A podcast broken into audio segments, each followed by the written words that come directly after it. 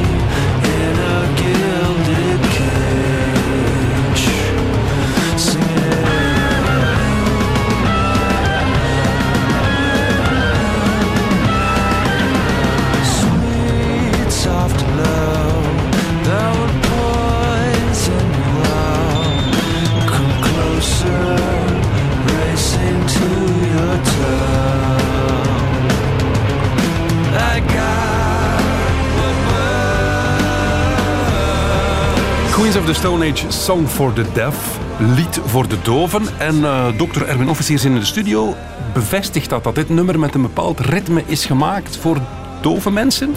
Wel, ni- niet specifiek voor dove mensen, voor alle mensen veronderstel Ja. ik. Maar het is wel zo dat het lichaam reageert op een bepaald ritme. Nou, een soort van eh, lichaams-eigen ritmegevoel hebben. Ja. En de componisten, of of de makers van die nummers, die spelen daarop in. Waarop je een hele massa in feite eh, uniform dezelfde ritmische bewegingen eh, laat krijgen. Ja, ja. Net zoals je metronomen die iets verschillend ingesteld zijn. En je zit in dezelfde ruimte. Na verloop van tijd gaan die samen, exact samen spelen. Is dat zo? Ja, ja, ja, ja. ja. Oké. Ik moet heel even verkeer geven. Want, ja, voilà. File rijden naar Antwerpen op de E17 vanaf het parkeerterrein in Kruibeke. 20 minuten extra. Op de E34 vanaf Melzelen een half uur erbij. Op de Antwerpse ring richting Gent nog traag tussen Antwerpen-Zuid en Antwerpen-West. En richting Nederland traag van Sint-Anna-Linkeroever tot Antwerpen-West. Vermijd deze routes zoveel mogelijk.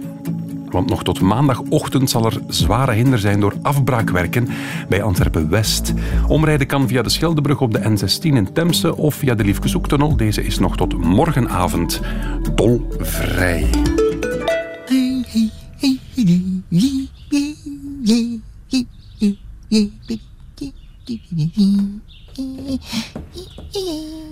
Ernie.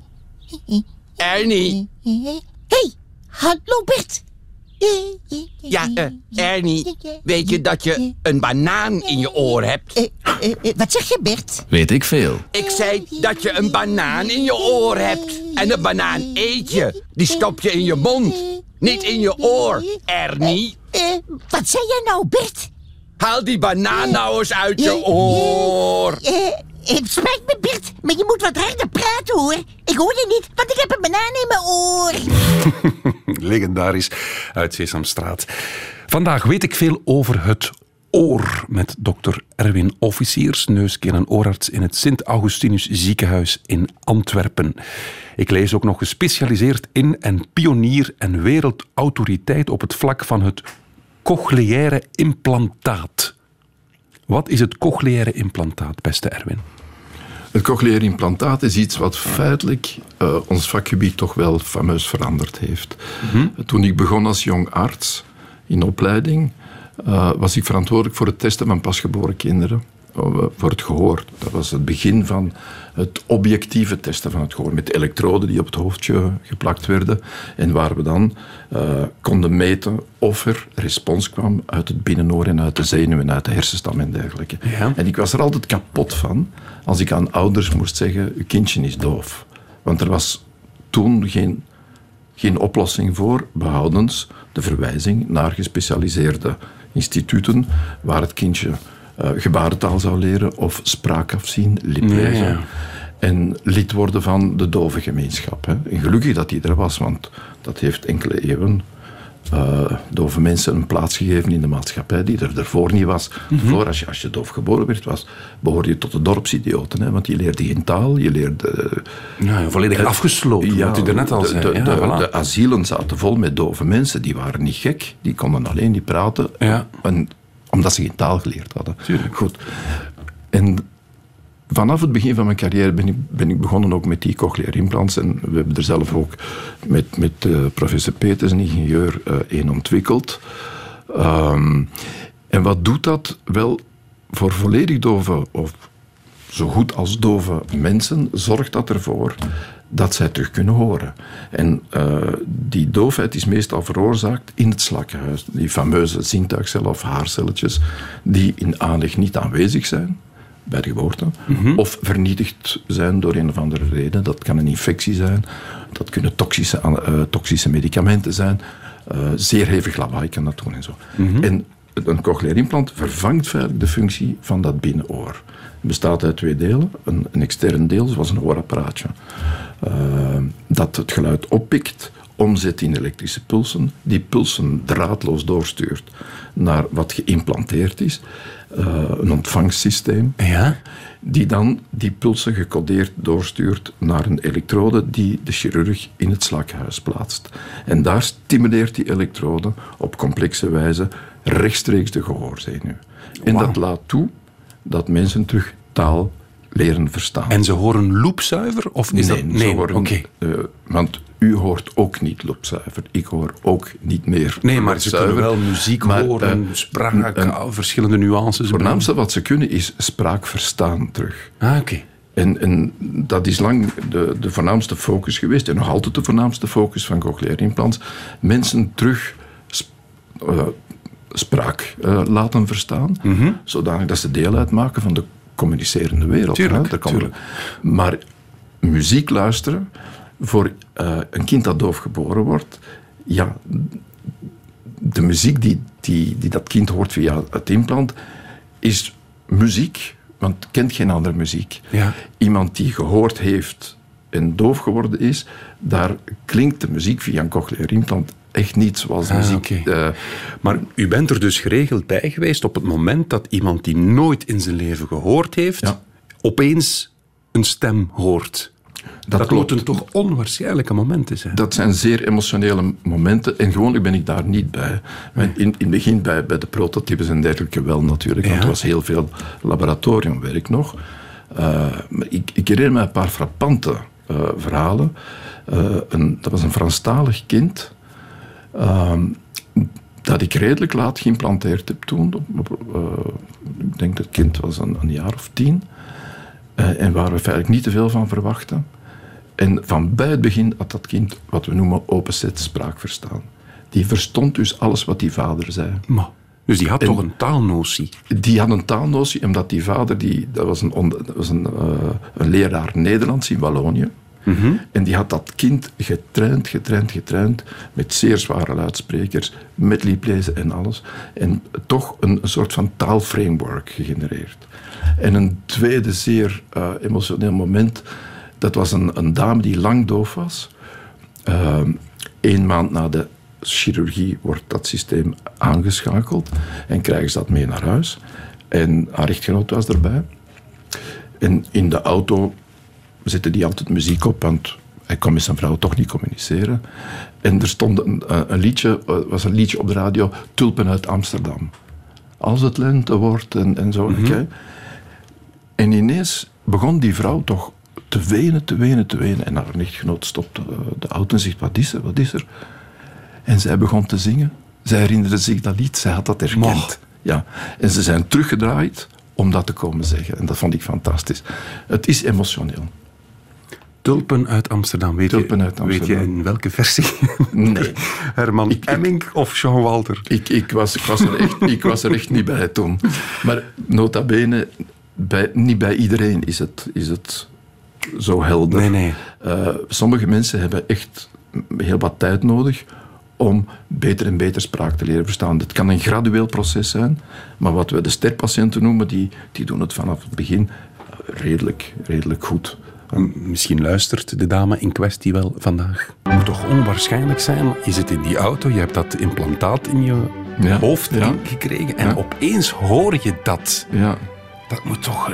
Wel, het, het, het horen is één ding, maar het, eh, het verstaan Ja, ja, ja. dat na al die jaren doofheid, zij was doof geworden door een tuberculosebehandeling met streptomycine, wat toxisch is voor het binnenoor. Dus dat, dat is lang geleden. Hè. We spreken nog van de, van de prototypes bijna die we Mhm. Ja, toen implanteerden. Eh, de emotie van terug die connectie te hebben met je klankwereld. En dat verklaart ook waarom dat mensen die gradueel doof worden, heel vaak depressies hebben Ja, tuurlijk. omdat z- zij zijn. Het is niet alleen dat ze, dat ze andere mensen niet verstaan, maar ze zijn afgesneden van, van die, die klankwereld die ons, die ons altijd omringt, zelfs als we slapen. Dat is het zintuig dat nooit stopt. Hè. dat is het New York. De city New- that ja, de city never sleeps. Het oor never sleeps eh, blijft daar. En die, eh, dat doorknippen of, of dat verdwijnen Mhm. eh, werd eens een keer verwoord door een... ik was ook nog heel jong, jong arts. En iemand vertelde mij, die, die continu toenemend gehoor, die zat... Het is alsof de wereld rondom mij sterft. Dat heeft me toen begrepen hoe, hoe, hoe diep dat dat graaft, hoe stevig dat dat erin hakt. In het geluk, gelukkig zijn, in het welzijn van, van de mensen. Laat ons beginnen bij het begin. Mozart. Erwin, dit is Mozart. Wij horen dat. Ja. Hoe komt die muziek tot in onze hersenen? Wat gebeurt er op dit moment in mijn oor? Wel, de, de piano maakt eh, klanken, vibraties in de lucht, hè, staande of, of longitudinale golven beter, die eh, zorgen voor een samendrukken en uiteengaan van, van die luchtmoleculen. Dat botst tegen het trommelvlies via de gehoorgang. Dat trommelvlies trilt. Dat trommelvlies is de ingang van het middenoor. Dat is het mechanische deel van het oor. En dat is verbonden met hamer, aanbeeld, stijgbeugel. De drie oorgehoorbeentjes. Ja. En de stijgbeugel zit met een heel eh, soepel gewrichtsbandje bevestigd in de wand van het binnenoor, zodanig dat dat plaatje van de stijgbeugel ook kan trillen. Die trillingen die worden in het slakkenhuis doorgegeven. En het slakkenhuis is heel complex. Ik ga dat niet helemaal uitleggen. Het komt, het komt erop neer dat die trillingen ehm, de zintuigcellen stimuleren. En die zintuigcellen, dat zijn allemaal kleine accuutjes. Die bevatten bioelektrische energie, elektrochemische energie. En door bepaalde mechanische ver- vervormingen laten die die energie of maken die die energie vrij. Oké. En, en dat, Richting hersenen. eh, wel richting gehoorzenuw. Gehoorzenuw. In de, in, de, in de kern van het slakkenhuis. En dat gebeurt zoals een, zoals een klavier, van hoge naar lage tonen.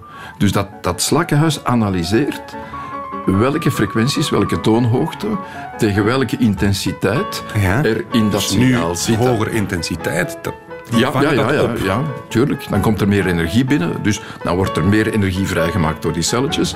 Die projecteren dat eh, via, via transmitterstoffen naar de gehoorzenuwvezels. Je hebt zo'n 15.000 van die haarcelletjes in het slakkenhuis. En die connecteren met een 35.000 zenuwvezeltjes. 35.000, die de gehoorzenuw vormen. En vandaar gaat dat eh, bioelektrische signaal naar de hersenstam en loopt via, via de centrale auditieve banen naar de hersenschors, de auditieve, de gehoorhersenschors. En vandaar zijn de verbindingen naar al de andere centra. Naar ons taalgeheugen bijvoorbeeld, Ja. zodanig dat we eh, woorden kunnen checken in onze bibliotheek en herkennen, maar ook naar onze emotionele centra. Ja. Dus we- horen niet alleen met ons rationele verstand, we horen ook met ons lichaam. Dus als ik kipvel krijg van een liedje, dan... dat, dan denk jij daar niet bij na. Nee, dat gebeurt. Zoals dat net gebeurt. met Tulpen uit Amsterdam. Ik denk Voilà. aan dat verhaal van u. Het kippenvel krijgen, het kippenvelmoment bij muziek, is niet rationeel. Is net zoals eh, als, je, als je een gedicht leest en, en, en, of, of dat, dat gaat rechtstreeks naar je emotie, vooraleer je het zelfs rationeel kunt uitdrukken in taal. En beslist mijn oor of ik iets leuk vind of niet? U, uw oor beslist niks. Niks. Dat U- geeft u- alleen maar door. dat zijn allemaal eh, hokjes die energie transformeren in een andere vorm en doorgeven. Wij horen met onze hersenen, niet met onze oren. Wij zien met onze hersenen. Wij ruiken, wij smaken, wij voelen met onze hersenen. Onze hersenen, dat- is de CPU, de centrale computer, die al die data binnenkrijgt. En daar wordt beslist wat we ermee doen. Of dat we het mooi vinden of niet, eh, of dat we antwoorden of niet, enzovoort, enzovoort. Dus we hebben daar eigenlijk niks aan te zeggen of, ik, of, of je een nummer goed vindt of niet. Goede smaak kan je niet... Eh, dat is een leerproces. Toch, Ja, goede smaak. je leert iets appreciëren. Natuurlijk. Om, om- onze hersenen, in feite, je wordt geboren.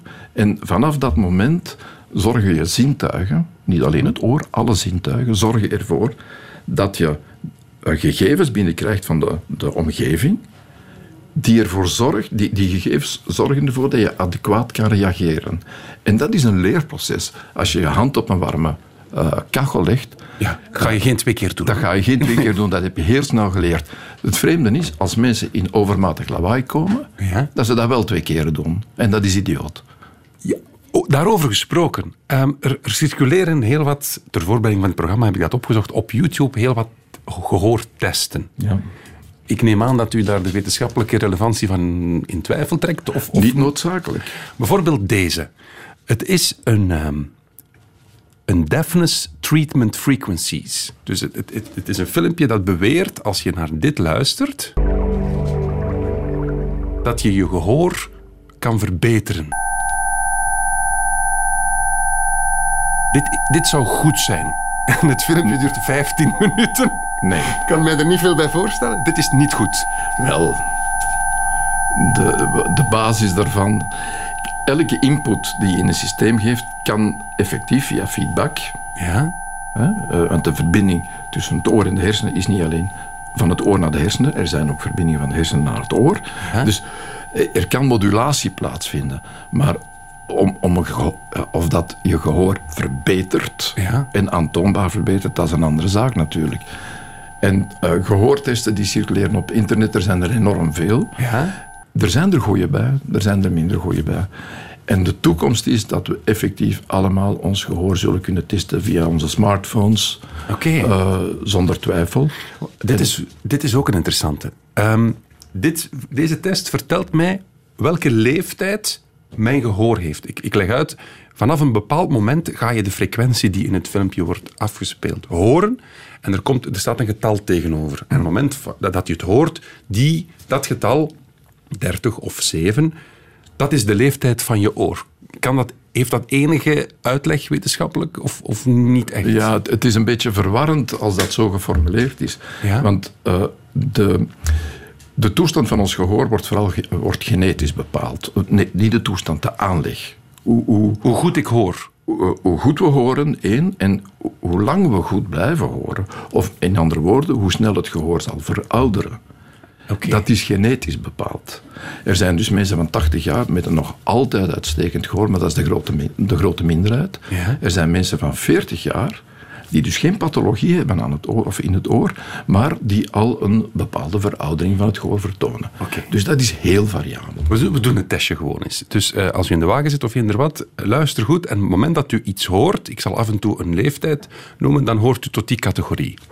We zijn vertrokken. Dit is 1, 10 jaar, 15, 20, 25, 30, 32. Ik hoor nu iets. 40, 50. Hoort u al iets? Ik hoor geklik. Nee, een, een heel scherp Ah ja, toch? nu, ja, ja. Ah, vanaf Ja, nu pas? Ja. Dan was dat bij u 66. Ja. Dan heeft u eigenlijk niet zo goed gehoor meer. Of, Nee, ik heb, kunnen we dat niet heb- afleiden nee, uit die ik heb, test? voor, ik heb voor mijn leeftijd nog een uitstekend gehoor. Oké, we gaan nog even verder. We zitten op 74, Oef, 80. oei, oei, stop maar. Ja, Ja, hè? ja, stop maar. En dit is 90. Stop maar. Voilà. Maar dat is één frequentie op, over het hele spectrum.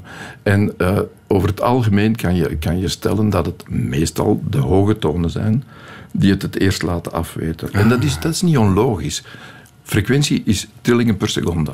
Ja? Dus als een mechanisch systeem heel snel moet trillen, zal dat sneller verslijten, bij wijze van spreken, dan, Tuurlijk. dan trouw. Maar dus dat testje, die, bij 1 tot 10, wat ik echt niet gehoord heb, dat Ja. is dus een heel hoge toon. Kinderen zullen Ja. die waarnemen. Die toon zal altijd hetzelfde geweest zijn. Het gaat over de intensiteit die opgedreven wordt. En men kiest een hoge toon omdat dat nogal typisch is voor de achteruitgang van het gehoor. Mhm. Maar, maar dat is, dat is een, een zeer grote vereenvoudiging van, Uiteraard. van een, een, het gewoon eens even een testen. complex iets. Het is dus eigenlijk niet echt. Ah, dit- het, het- het is niet slecht, maar het is niet echt. Oké, oké. Ik ben Bart Peters en ik heb ooit in de jaren 90 geleden onder tinnitus. In mijn geval was het een soort straf, omdat ik te harde muziek had opstaan in een koptelefoon. Bart Peters getuigt over tinnitus. Spreek dat? Oorsuizen. Ja. Ehm, dat kan komen door, in, denk, in Bart zijn geval was het, hij was een drumtest aan het doen en, en Ja. in, in zijn koptelefoon... De er- versterker stond De versterker, volledig open. Ja. Heeft me verteld. Ja. Maar hij zegt, ik had er last van. Dus dat kan ook wel weer weggaan. Dus het oor kan zich genezen, herstellen. Of zijn het dan Wel, de hij- hersenen die die frequentie beginnen weg te halen? Bij lawaai-trauma, als je heel snel optreedt, eh, kan je dat wel mitigeren. Kan je, dat, kan je dat, eh, het effect ervan soms gedeeltelijk, eh, niet altijd wegwerken. Want wat, is, het, is, het, is het dit? Ja, zoiets, maar dat kan alle, tinnitus is een verzamelnaam. Dat kan, Ah, ge- dat kan gebrom zijn, dat kan, dat kan zelfs variëren in intensiteit, maar ook in, in, eh, in het soort van lawaai dat je hoort. Dat is de verzamelnaam tinnitus. Dat is een heel banaal of heel veel voorkomend eh, symptoom, of last. Heel veel mensen hebben er last van.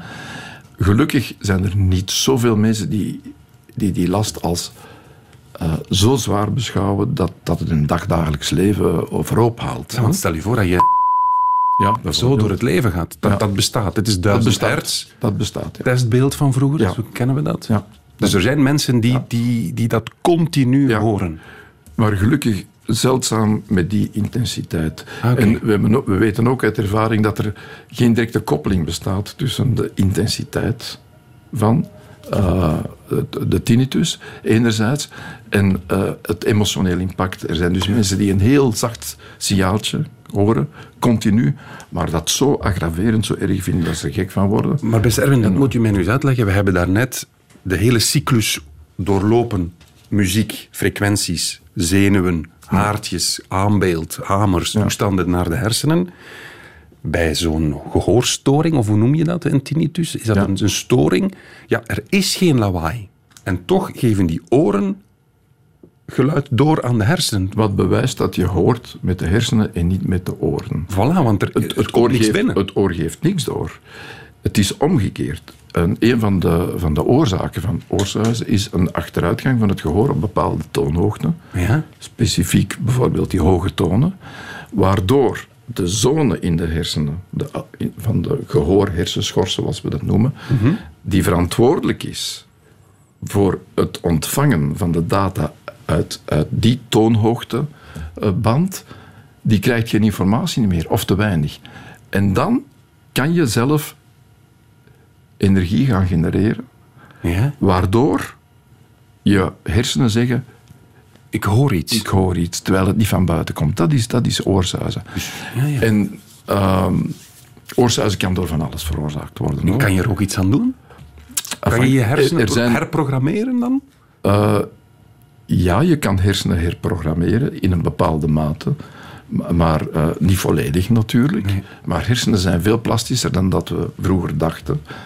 Eh, er, de oorzaken die eh, zich bevinden in je buitenoor, zoals een oorstop, ik heb- dat kan oorzuizing geven, of het middenoor, zoals vocht achter je trommelvlies, Ah ja, als of je gaan een- zwemmen bent, zo dat gevoel. zo van die dingen. Vreselijk. Of ehm, een, een van de gehoorbeentjes die vast komt te zitten bij otosclerose. Heel typisch geeft dat, of kan dat oorzuizen geven. En als we dat dan oplossen door de stop weg te nemen of door het oor te opereren, dan, dan verdwijnt heel vaak dat oorzuizen. Hetgeen dat gegenereerd wordt in de hersenen en niks te maken heeft met het mechanische deel van het oor, middenoor, buitenoor en dergelijke, ehm, kan, kunnen we vaak eh, toch verbeteren door te zorgen dat dat stuk van het gehoorspectrum dat niet binnenkomt, of, of dat, dat verdwenen is, eh, om dat terug aan te bieden via bijvoorbeeld versterking. Door het aanpassen van een, een correct hoorapparaatje Ja, ja. op die frequenties. Hè, dat kan ook vaak verbetering geven. Eh, er is heel wat, eh, heel wat aan de gang op het ogenblik over dat oorzuizen Straf. verbeteren. En het laatste, en dat is hetgeen het beste helpt, maar spijt genoeg maar in ongeveer een derde van de gevallen, is elektrische stimulatie. Er zijn heel veel dove mensen. 70% van de dove mensen heeft oorzuizen. En in 30% van die 70% kunnen we via een cochleair implant dat oorzuizen volledig onderdrukken. Elektroshocks. Nee, niet elektroshocks. Door gewoon terug informatie aan die auditieve hersenschors te geven. Die hersenen bezighouden. Niet bezighouden, informeren. Echt informeren. Ja. Maar ik eens een persoonlijke vraag stellen. U, u werkt in het Sint-Augustinus ziekenhuis. Ik ben daar geboren. En ik ben daar ook behandeld, want ik was doof toen ik geboren werd. En toen kreeg ik buisjes Ja. in mijn oren. ja, je was niet doof, je hoorde wat minder goed. Ah, wel, maar blijkbaar, mijn moeder zei dat. Ik was van, eh ambetanter aan het uithangen. Zij riep op mij, maar ik, ik, ik hoorde dat niet. Ja. En ik heb dan buisjes gekregen. Ja. En je hoort dat nog, dat heel veel kinderen Ja. buisjes in hun oren krijgen. Wat is dat eigenlijk precies? Wel, in feite, wat, wat je had, was vocht achter het trommelvlies. En, en eh, pakweg 70% van alle kinderen onder de zes jaar hebben minstens één episode daarmee. De grote meerderheid moet niet behandeld worden, want dat gaat vanzelf weg. Alleen als dat langer duurt, of als je maar één horen door hebt, dan moet je dat zo snel mogelijk eh, terug in orde brengen. Dus wat, wat we dan doen, is ervoor zorgen dat dat vocht eruit kan. En dat noemt een ventilatiebuisje. en je, je kent een diabolootje, het spel. Ja. Dat heeft, eh, dat heeft zo'n vorm. En dat zit dus te paard. Dat is een heel klein buisje in kunststof. Dat in een, klein, in een kleine insnede in het trommelvlies geplaatst wordt. En ervoor zorgt dat, Dat vocht eruit kan. dat er lucht, nee, Lucht, nee, ah. dat er lucht in het oor kan, waardoor het vocht, het slijm, afvloeit via de buis van de Eustachius naar de neus toe. Ah. Het is een beetje gelijk een melkfles. Hè? Je, als, je, als je een melkfles omdraait met zo'n mikatje Ja, en je maakt er een gaatje in, dan komt er nog niks uit. Maar als je dan bovenaan een gaatje maakt, dan loopt het dat is uit. prijs. Voilà, c'est ça, zo werkt dat. Oké, oké. Min of meer. Hè? Ja, ja, ja. ja. Ehm, muziek. Dat is eigenlijk misschien wel de leukste, het leukste wat we kunnen waarnemen met onze oren. Nee, de menselijke stem. Vindt u dat? Hangt er Eh. toch af wie aan het praten is dan? Hè? De juiste menselijke stem. Beethoven, de dove componist. ja. Kan u zich dat voorstellen?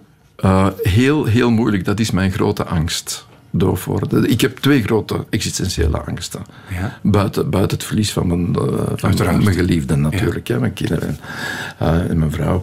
Ehm, dat is mijn handen te verliezen. De, de controle over mijn handen en mijn vingers. Want dat is mijn, niet alleen mijn brood, maar ook mijn passie. Ja.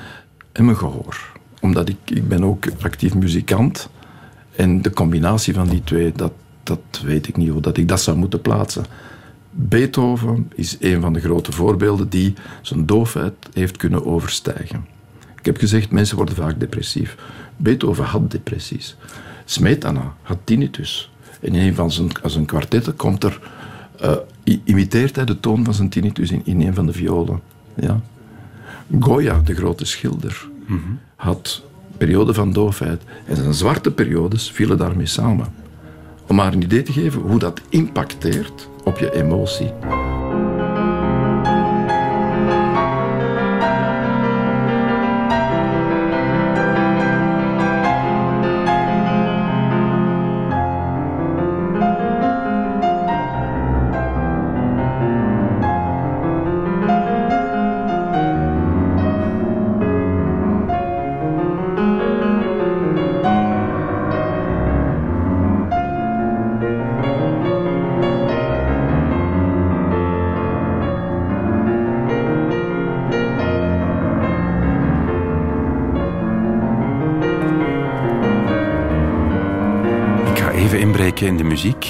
Excuses daarvoor, maar onze praatgast vandaag, dokter Erwin Officiers, kan niet zwijgen. Hij is zeer interessante dingen aan het vertellen over wat we nu horen. Eh, Beethoven, sonate nummer 31, Moderato cantibile molto espressivo. Door welke pianist?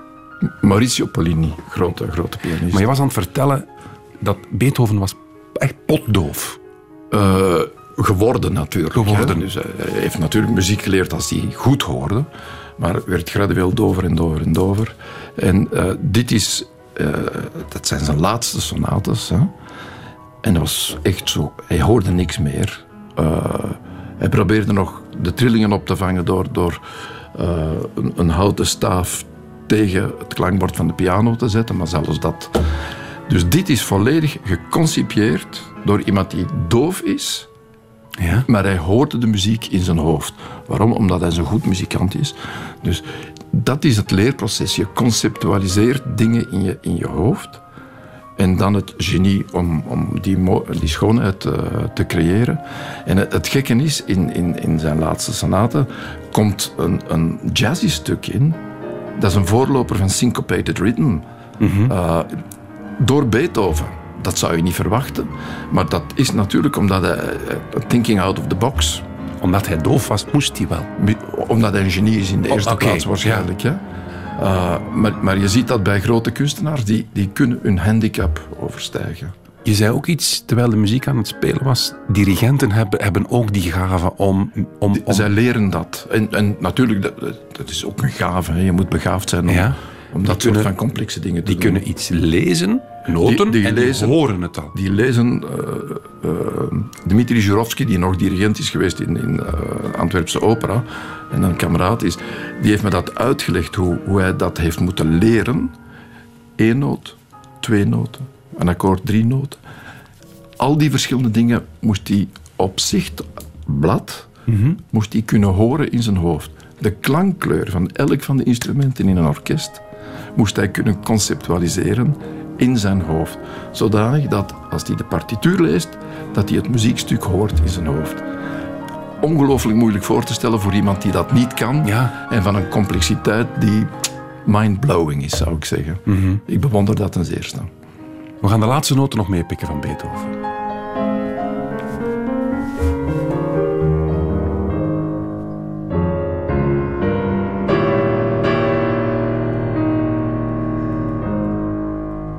En een streepje schooltelevisie. lang geleden. De geluidstrillingen bereiken langs de oorschelp de gehoorgang. Het trommelvlies bevindt zich tussen de gehoorgang en het middenoor. Het trommelvlies ontvangt de geluidstrillingen en geeft ze door aan de hamer, die op zijn beurt het aanbeeld en de stijlbeugel beweegt. Weet ik veel. De lucht in het middenoor komt uit de mond langs de buis van Eustachius. er is nog... Klopt niet. Oei, de schooltelevisie uit de jaren 70, 60 wordt hier even met de grond gelijk. Nee, nee, niet Wat klopt er- helemaal. wat klopt er niet? Dat de lucht via de buis van Eustachius... Dat, dat kan. Als je, als je slikt, komt er één, eh één miljoenste liter Oké. Eh, eh, gas in. Maar in feite komt die lucht er meestal gewoon door, door gaswisseling over het slijmvlies van je middenoor. Zoals in de long. Even heel snel goed luisteren met je oren, want de politie waarschuwt voor een voetganger op de E19 van Antwerpen naar Breda ter hoogte van Sint-Job. Dus een voetganger op de E19 van Antwerpen naar Breda ter hoogte van Sint-Job. Wou ik toch nog even meegeven. Voilà. Ja, ehm, beste Erwin, we hebben al heel veel gepraat over wat er in ons oor gebeurt. En dan vooral in de hersenen gebeurt, want eigenlijk luisteren we met onze hersenen. Maar we hebben ook, het oororgaan is ook van buiten zichtbaar. Ja. Waarom hebben wij, want als je het bekijkt, het is, het is iets bijzonders. Het oor. Het oor. Sexy is het niet, hè? Ja, dat hangt er vanaf. Er zijn mooie oren toch? Is het waar? Ik vind wel. Ja. Ik vind er niks aan. Ja, Nee, jij bent duidelijk geen oorfetischist. Eh, goed, ik ook niet. Oké. Ik ga niet verder met de vraagstelling daar. Maar eh, het, het, in feite is het een, een receptor, zoals ik zei. Eh, de klank komt via geluidstrillingen. Ja? Dus heb je ooit Charles Aznavour... eh, Natuurlijk. op bepaalde momenten bracht hij zijn hand achter het oor Ja? terwijl hij zong. Waarom deed hij dat? Om zijn oor groter te maken.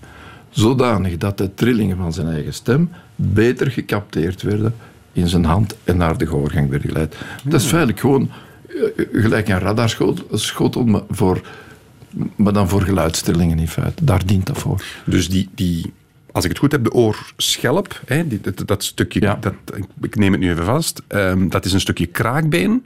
Dus Of wat kraakbeen in, ja. Kraakbeen. En dan heb je een soort S-vormige vorm. Die, dus Ja, het geluid er- wordt naar binnen geleid, of, of waarom is dat? In, in, in feite, de, dus die variabele vorm van de oorschelp geeft ook bepaalde frequentiekwaliteiten mee aan het signaal dat naar binnen gaat. Begrijp je? Zo zijn er mensen die feitelijk maar, aan, maar één oor hebben en toch kunnen richting horen door, door met hun hoofd een beetje te bewegen. Och. Ja, gewoon door de frequentieanalyse van hetgeen dat er binnenkomt. Maar dat is een complexe, dat is een complexe materie.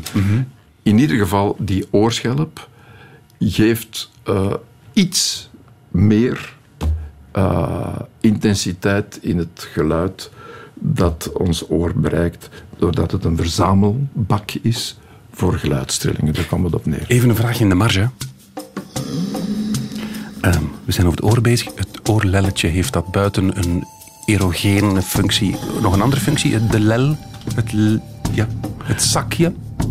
Eh, vroeger in het onderwijs, dat, aan te dat de meesters dat konden aantrekken, denk ik. Maar voor, maar voor het gehoor, dat is niet dat dat ook een soort trilling opneemt of zo. Nee, De Kobe, Kobe, ik denk dat je te veel fantaseert. Oké, oké, weg met die sexy muziek. Nee, ik, maar ik vroeg het mij. Het is, het is toch een- deel van een oor, de Ja, ja. Maar er is geen En, wetenschappelijke en in, in, in de. Chinese cultuur, eh, eh, hoe groter de oorlel, dat is predictief voor het bereiken van een hoge leeftijd. Ah ja? Ja. Maar dat komt natuurlijk, kraakbeen blijft, blijft ook wel wat groeien. Oudere mensen hebben relatief grotere oren.